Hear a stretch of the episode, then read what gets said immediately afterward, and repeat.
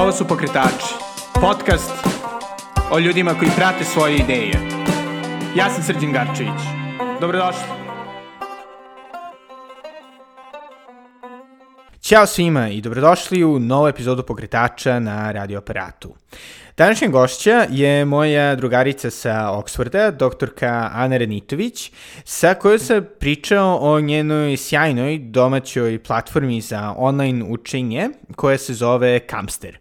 E, međutim, nismo pričali samo o Kamsteru, pričali smo i o tome kako izgleda voditi firmu u Srbiji kada živite i radite u Holandiji, kao Ana, o balansiranju dve karijere i porodice, kao i o tome zašto ceo način na koji se priča o odlasku mladih ljudi iz Srbije je malkice teatralan i kako možda nije tolika tragedija ukoliko imamo dosta pametnih, ambicioznih ljudi u svetskim centrima znanja. Ana je zaista izuzetna gošća. Njeno životno iskustvo ide od obučavanja žena zanatlija jugozapadne Srbije do naravno doktorata iz antropologije na Oksfordu. Tako da je zaista bilo zadovoljstvo pričati sa njom, čuti njene poglede i nadam se da će i vama biti zanimljivo. Ona je isto jedno od divnih ljudi koji podržavaju pokretače i moj blog The Natural Times preko Patreona i omogućuju da ovaj projekat preživi, tako da, naravno, ukoliko želite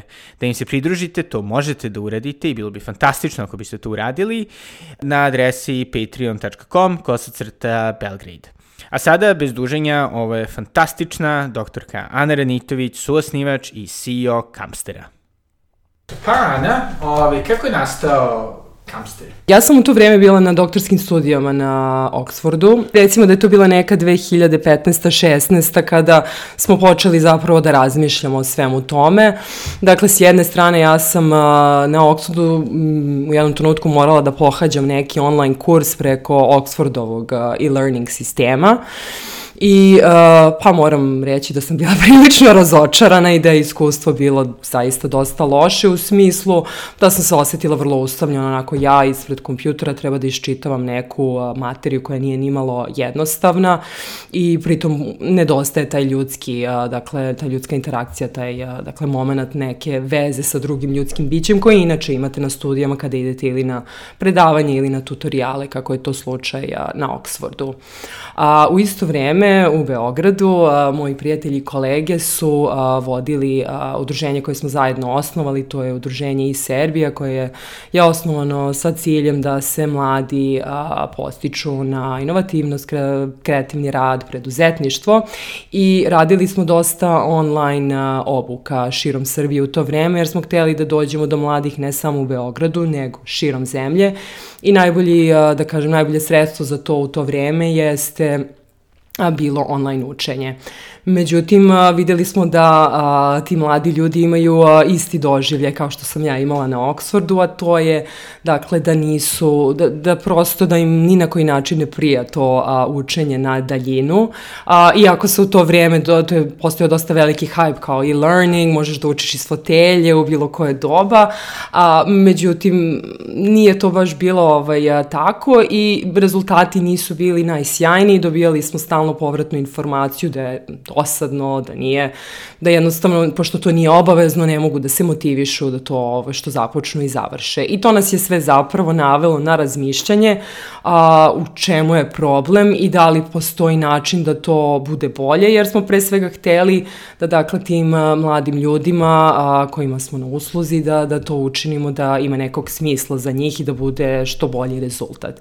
I tako je zapravo sve počelo i negde 2017. ja mislim mislim smo onako seli da malo ozbiljnije porazgovaramo a, o svemu a, tome i odlučili se da započnemo jer uradili smo istraživanje a, postojećih platformi za učenje, pošto je prva stvar koja nam je pala na pamet bila, ok, a, možda ova platforma koju mi koristimo nije dobra ili možda Oxfordova a, platforma za online učenje je katastrofa i neki izuzetak, možda postoji nešto što je fenomenalno, a, u svetu i isprobali smo nekih 30 platformi, uradili mini istraživanje i videli da ne postoji, da se većina njih zasnivaju na jednom, da kažem, tehničkom razumevanju učenja i u potpunosti zanemaruju psihološke i motivacione aspekte učenja, potrebu čoveka za a, ljudskom interakcijom, pogotovo kada je učenje u pitanju a, i da prosto ne postoji ta nikakva podrška od strane sistema na kojem učiš koja će ti pomoći da od tačke A dođeš do tačke B.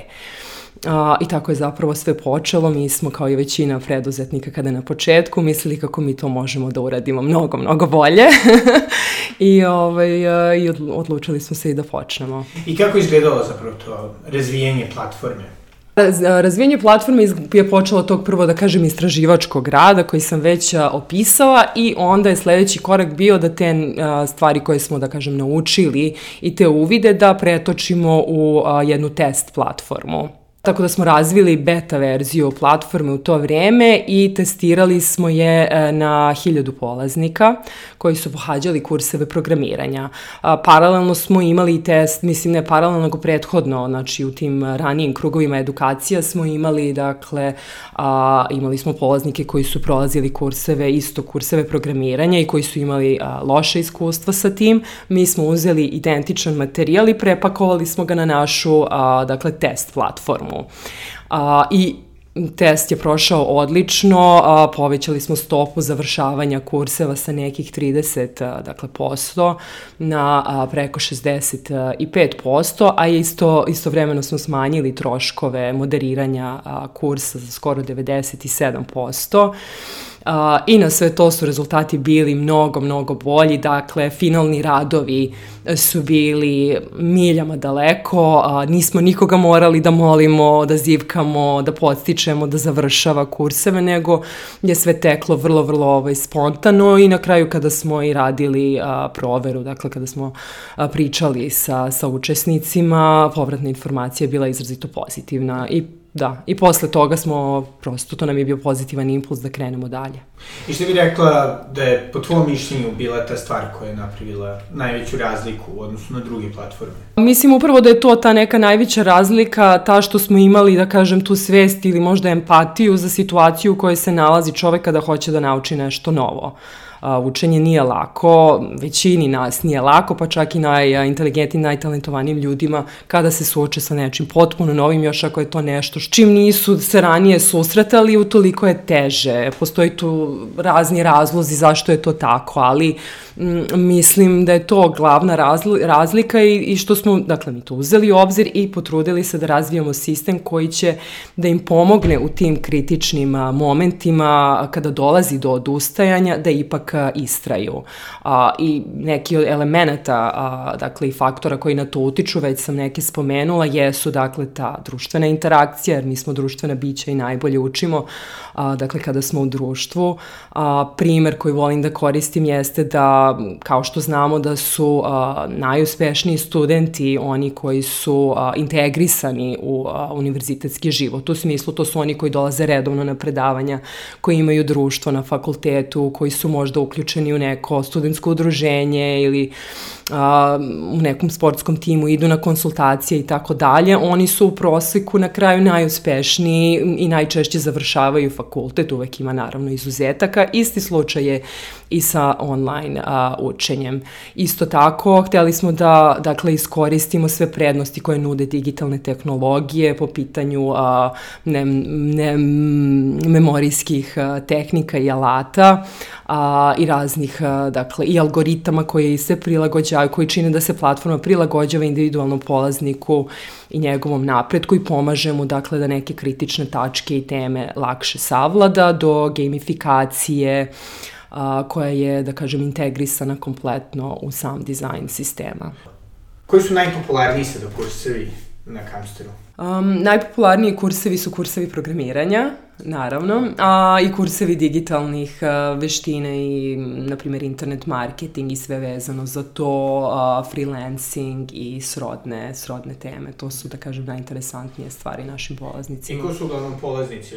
Ona postoji kao je mlađa demografija ili... Pa najveći broj ljudi su uh, mladi od 25 do 35 uh, godina. Ali imamo i dosta korisnika koji su i stariji i mlađi, tako da u tom smislu nema nekih pravila, niti postoje neka ograničenja. Mislim da nam je najmlađi polaznik imao 8 godina, ali je radio zajedno sa mamom i tatom i uh, on prošao. Znam da će dobro da outsourcuju. Ono što je zanimljivo pored toga je što ste e, pokrenuli tako sjajnu platformu, to je e, što zapravo si to radila dok nisi bila fizički prisutna sa ostatkom tima. Kako je to izgledalo?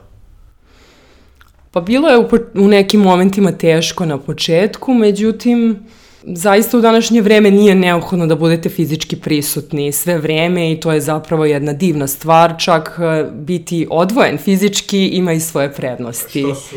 Pa jedna recimo od prednosti je ta što smo vrlo brzo a, postali, mislim vrlo brzo smo razgraničili uloge među sobom i veliki deo posla obavljamo nezavisno, ono što je moguće. A, tako da su se onda na neki način i iskristalisale da te neke liderske uh, uloge u razvoju uh, biznisa i što biznis postaje naravno kompleksniji, a postaje, ima sve više funkcija procesa i tako dalje i to je onda nekako spontanije teklo nego da smo možda uh, bili svi sve vreme tu, da smo učestvovali svi u svakoj maloj odluci i slično. Drugi razlog, druga prednost je ta da a, nemamo, veoma redko imamo neefektivne, ja bih rekla, sastanke, jer jednostavno nije zanimljivo sedeti na Viberu ili na Skype-u satima i diskutovati o nekoj temi, a kada ste zajedno fizički, ako su to i vaši prijatelji, onda to postane naravno, mnogo, mislim, to je mnogo jednostavno lakše, jer prija biti u društvu sa drugim ljudima. Ovako uh, je to obično, obično se ne dešava. Um, i, iz tog razloga smo takođe, čini mi se, razvili zaista kvalitetnu komunikaciju, jer se trudimo, dakle, da budemo uh, da, da, da, da, dakle, sve bude u interesu zapravo razvoja kompanije, u interesu korisnika i onda nekako kada ste odvojeni fizički, čini mi se da prosto morate biti efikasniji u prenošenju poruke drugoj strani. Da, a znači, a pritom ono, ne samo da si bila daleko, nego si što tako završavala svoj doktorat iz antropologije i sada je li radiš u Hroningenu, tako? Jeste, da. I da, da ne kažem, to isto nije mala stvar, imaš i ovaj, divnu čerkicu. Kako je izgledalo balansiranje svih tih uloga i, da kažem, stvari koje su zahtevale tvoje vreme? Pa bilo je vrlo teško i to je, zaista je bilo vrlo teško i mislim da se nisam, mislim da ni, nisam se na početku najbolje snalazila sa svim tim obavezama. Pa kada pokrećete nešto od nule, zaista i nemate sredstva, morate sve da radite sami. Uh, a, dakle, od razvoja proizvoda i tog istraživačkog dela, istraživanja korisničkog iskustva, pa sve do stvari kao što su odgovaranje na upite korisnika, lektorisanje kurseva, dizajniranje a, vizualnih rešenja za Facebook reklamu, bukvalno, dakle, sve od početka do kraja. Uh, I onda vas sve to takođe i povuče, jer ste u tom kreativnom zanosu, kreativnom procesu, hajde što pre da dignemo to na noge, hajde to da izbacimo. I na kraju se onda to pretvori u danonoćni a, rad, bili smo skoro na ivici da spavamo u kancelariji, budili smo se u četiri ujutru da testiramo a, novu funkcionalnost na platformi i tako dalje na samom početku. Čak i kada niste, dakle, pred kompjuterom, na primer, a, ne, možeš da se, ne možete da se isključite, ne možeš da se isključiš, jednostavno dišeš to. Um, Tako da delom mislim da je to možda i nešto što je normalno za sam početak svakog biznisa ili poduhvata. Čujem i od kolega iz drugih firmi da su prošli tako nešto. Ali čini mi se da je i to balansiranje nešto što se vremenom i uči. Uh, I u mom slučaju je jednostavno bilo i neophodno jer u suprotnom ne bi bilo održivo, niti je, da kažem, dobro za, za, biznis jer vi niste dugoročno u stanju da funkcionišete produktivno duže od 8 sati dnevno, pogotovo ako govorimo o nekom kreativnom um, radu. I jel postoji možda neki ono, savjet koji bi dala ljudima koji bi se našli u sličnoj situaciji? Pa ja sam primenila, dakle, ono što sam radila tokom studija, što se na studijama odlično pokazala, to je da imam tačno određeno vreme e, svakoga dana koje radim i ne radim ni minut duže, sve u izuzetnim situacijama.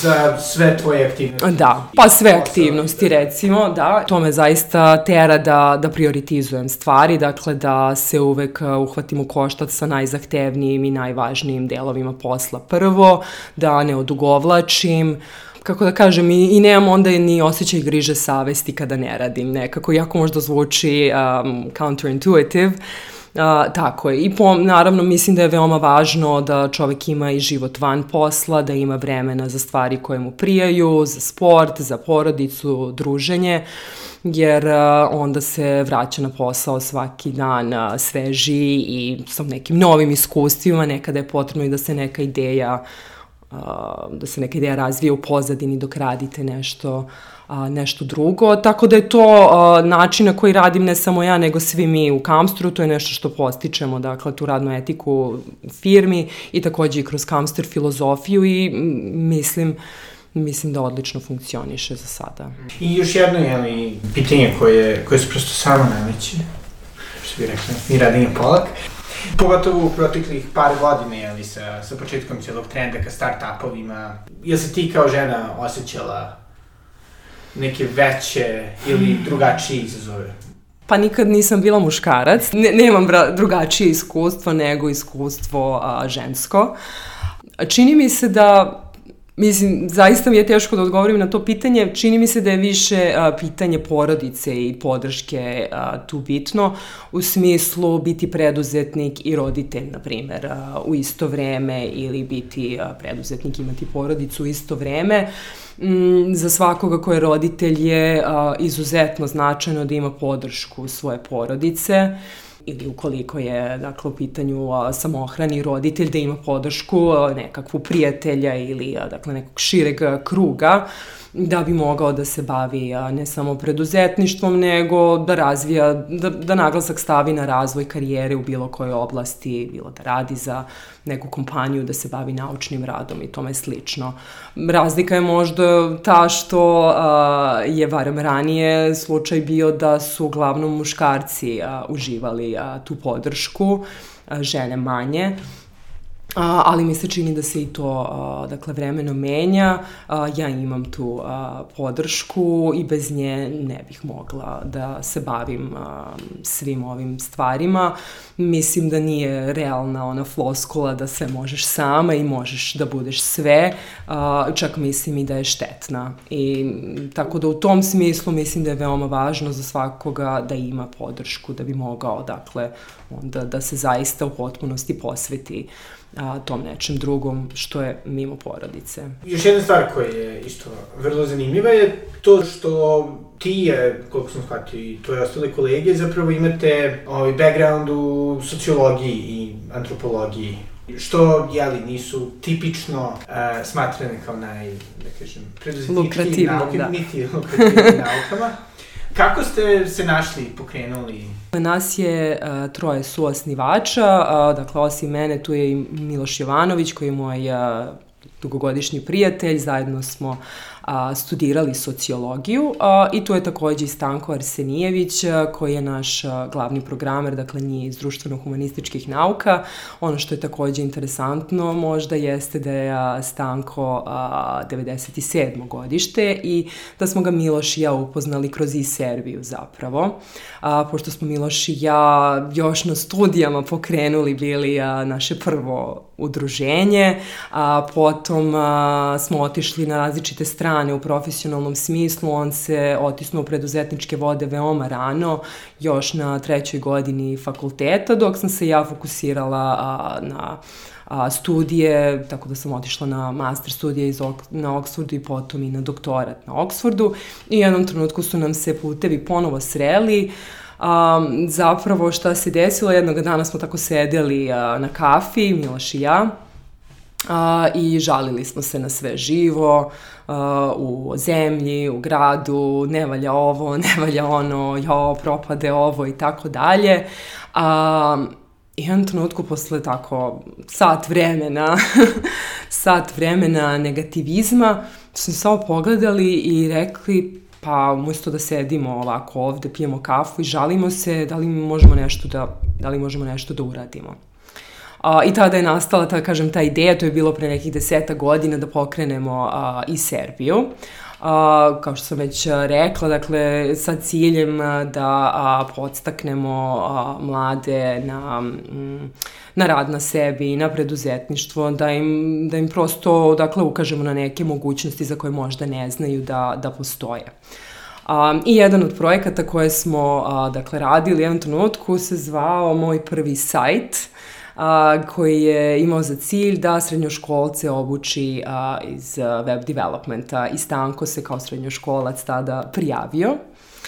A, jedan od aspekata tog projekta je bio da a, se a, razvije naravno sajt na kraju a, koji je mogao, ali nije nužno morao da ima bilo kakvu, da kažem, biznis komponentu.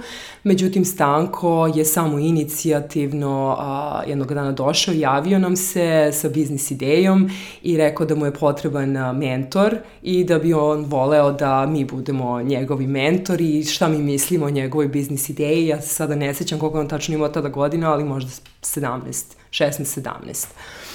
A, I tako je zapravo ta neko, to neko poznanstvo počelo, a posle smo sa Stankom sarađivali na raznim a, projektima, On je a, nevrovatan a, mladi čovek, a, radili smo nekoliko, radio nam je nekoliko a, sajtova na početku, posle smo i čitave projekte radili zajedno i onda nekako se i spontano desilo da kada smo počeli da pričamo o platformi, da smo a, da smo uključili, da, smo, da je on postao član našeg tima.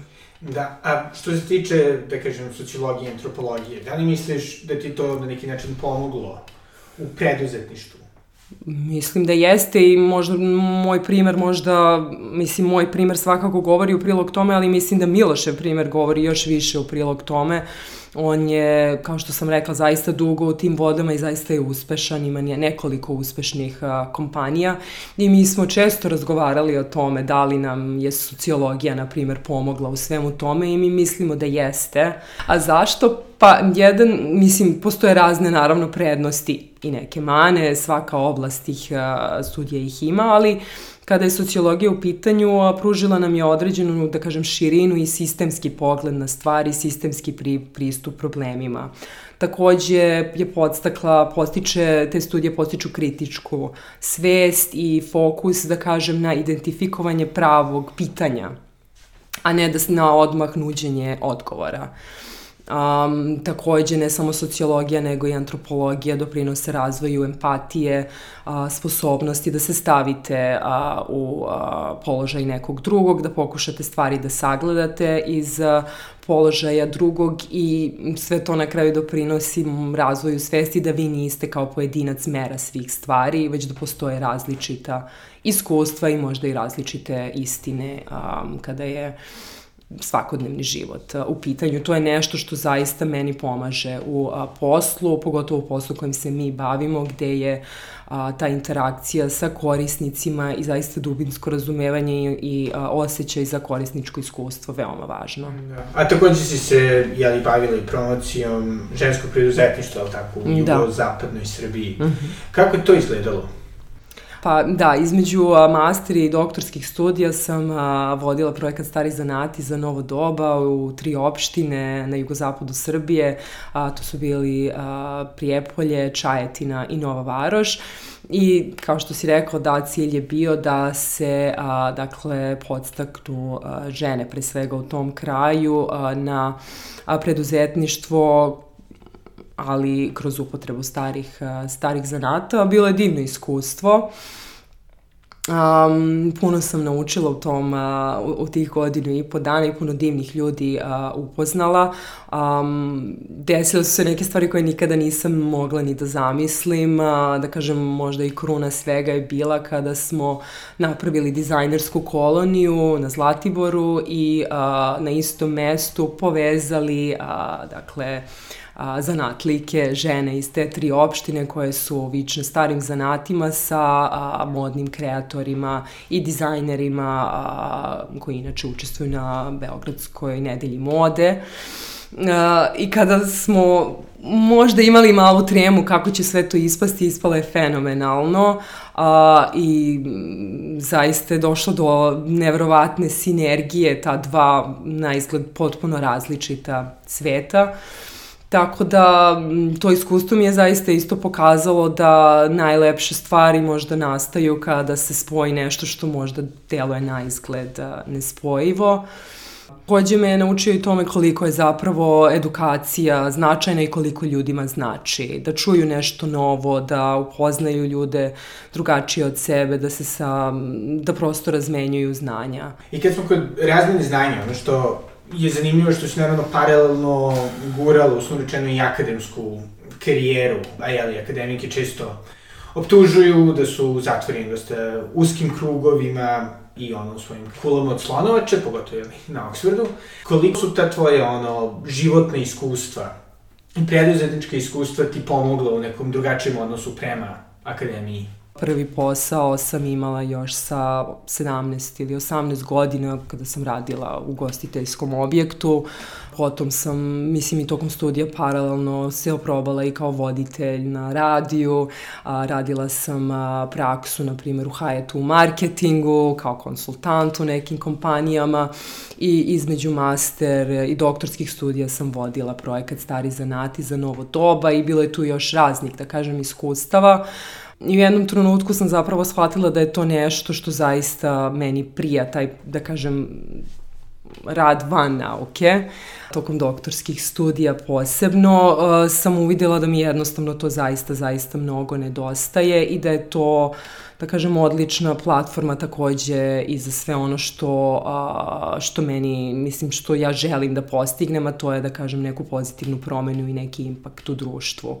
Na početku kada sam upisala sociologiju nisam o tome tako razmišljala. Sociologiju sam upisala kao mlada jer sam htjela da promenim svet, a mislila sam da je potrebno da ga prvo razumem, pa hajde da upišem sociologiju ali uh, vremenom, da, i ono što sam htjela da kažem jeste da je moj otac bio, uh, uh, uvek je pokušavao u to vreme da me onako me podstakne na biznis, on je predlagao da ja studiram ekonomiju, ja sam njemu govorila to je dosadno, ja hoću da se bavim kreativnim nekim poslom i nečim što će da ima neki efekat na moju zajednicu, on je meni govorio stalno da je posao zapravo veoma kreativan i a, da je zapravo odlična pra, platforma za kreiranje društvenih promena i danas shvatam da to zaista jeste tako, a, razvijati a, sobstveni biznis je zaista izrazito kreativan posao, svaki dan je drugačiji drugačiji i takođe istina je da je to a, možda trenutno jedna od najboljih platformi da a, sprovedete u delo neku zamisao ili svakako jeste jedna od.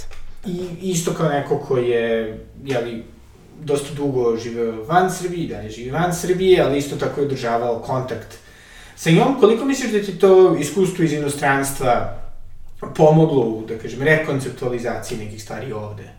Shvatanju određenih potencijala, poslovnih konkretno, ili možda shvatanju određenih problema sa kojima se ovde susrećemo? Mislim, iskustvo i život u inostranstvu proširuje vidike i a, otvara vam a, oči da, da vidite da stvari mogu da se urade i ovako i onako. Na, ta, na taj način možda bolje upoznajete i sebe i a, mesto dakle potičete. Tako da u svakom slučaju je bilo jedno obogaćujuće iskustvo. Ja sam uh, još u detinstvu uh, smo živeli u inostranstvu na Tajlandu nekoliko godina, što sam u međunarodnu školu i to me je naravno isto obogatilo u smislu da sam se družila sa ljudima iz uh, cijelog sveta i možda je to i doprinalo određenoj meri da kasnije studiram, odnosno radim doktorat iz antropologije. Uh, Svakako još, e, pogotovo dok sam bila na, na Oxfordu, sećam se da sam počela i da razmišljam malo o tim temama o kojima ti govoriš, a, vezano za odlazak, za brain drain, za, mm, za dijasporu i za potencijal dijaspore. A, I znam da su to vreme i dan danas, ali pogotovo tada, puno govorilo o tome kako svi odlaze i kako mi da vratimo te ljude u a, zemlju. I sećam se da, sam, da je moje razmišljanje bilo zašto uopšte mora naglasak da bude na vraćanju u današnje vreme, a, u eri digitalnih a, internet komunikacija, zapravo je ogromna vrednost Srbije što ima tu dijasporu na ključnim mestima u centrima znanja a, i s tim što je naravno onda ključno da održava veze sa, sa tom dijasporom. I da je zapravo najvrednije što dijaspora može da ponudi Srbiji ne novac i ne nužno svoje prisustvo fizičko u Srbiji, već svoje znanje i um, svoju mrežu. To je bio jedan od razloga zašto smo u okviru i Serbije, prvi projekat koji smo pokrenuli u okviru Serbije bio projekat Srbija na vezi koji je upravo imao za cilj povezivanje mladih iz Srbije sa stručnjacima i dijaspore u a, projektu mentorstva i razmene znanja. I da, i na kraju, ovaj, šta bi rekla šta bi bio tvoj savjet nekome ko bi odlučio da se bavi preduzetništvom? Šta misliš da je ključno? Mislim da je ključno naći pravi tim. Mm, neki ljudi mogu sami, ali u nekom trenutku pre ili kasnije morate da imate a, ljude koji će raditi a, sa vama i mislim da je to a, da je to zaista vrlo važno i zadržati tu neku dozu intelektualne skromnosti. Da znate koji su dakle limiti vašeg znanja i da budete uvek spremni i otvoreni za to da se povežete i okružite ljudima koji znaju nešto što vi ne znate, da ih saslušate, da naučite nešto novo. Meni izrazito znači a, moj tim a, i što zajednički a, stvaramo i a, radimo. Biznis je stvarno prepun izazova i ne možete u kontinuitetu da održite taj neki nivo a, entuzijazma I onda nekada kad neko od nas možda malo klone duhom, onaj drugi povuče a, i obrnuto, a takođe naravno izuzetno je značajan taj aspekt i da da prosto imamo svi, da kažem, komplementarne neke veštine i različit pogled na, na stvari, što naravno gura celu priču, celu priču napred. Ali, šta bi rekla opet sa druge strane da je najteže Pa meni je i nama, čini mi se u timu, je a, najteže da izađemo na kraj sa tom potrebom da, po, da proizvod bude savršen a, pre nego što ga lansiramo. A, taj neki perfekcionizam je, to smo u nekom trenutku videli, kroz introspekciju i, ra, i zajednički rad, da nekad je i maska za strah od neuspeha. Mm, I nije lako, čini mi se, bilo kome da odgovori na pitanje kada je ovaj proizvod dovoljno dobar da možemo da ga predstavimo našim korisnicima. A, tako da je to neko pitanje sa kojim i dan danas a, mislim, izlazimo na kraj, ali dan danas ga sva, redovno postavljamo jedni drugima. Um, osim toga, u suštini ne mogu da kažem da, da, da, da su aspekti posla posebno teški, ja stvarno uživam u svemu tome i ono što sam rekla svaki dan je drugačiji, to se meni lično mnogo, mnogo dopada, jer stalno morate da učite nešto novo, da se probate u nekoj potpuno novoj ulozi, da izađete iz te zone komfora i da, da prosto gravite napred i, i pomerate granice svojih sposobnosti i to je nešto što meni lično veoma prija. I to je bila dr. Ana Renitović iz Kamstera. Ukoliko vam se ova epizoda svidela, molim vas da je lajkujete i šerujete, a ukoliko vam se baš, baš, baš svidela ili ukoliko vam se inače sviđa ono što radim bilo sa pokretačima, bilo na mom blogu The Natural Times, bilo bi divno ukoliko biste me podržali na adresi patreon.com kosacrta Belgrade. Prije nego što završimo, htio bih da se zahvalim svim divnim ljudima koji podržavaju pokretače na Patreonu. To su trenutno Miroslav Radović, Aleks Debiževi, Nadežda Dremićanin, Pavle Marinković, Felix van Licenburg, Ana Renitović, Stefan Vuljović, Ana Janošev, Alistair Jamison, Drago Inđić, Jesse Hronešova, Steven Friker, Mladen Jovanović, Ana Raselomaljev i Milena. Hvala puno i do sledećeg slušanja. Doviđenja.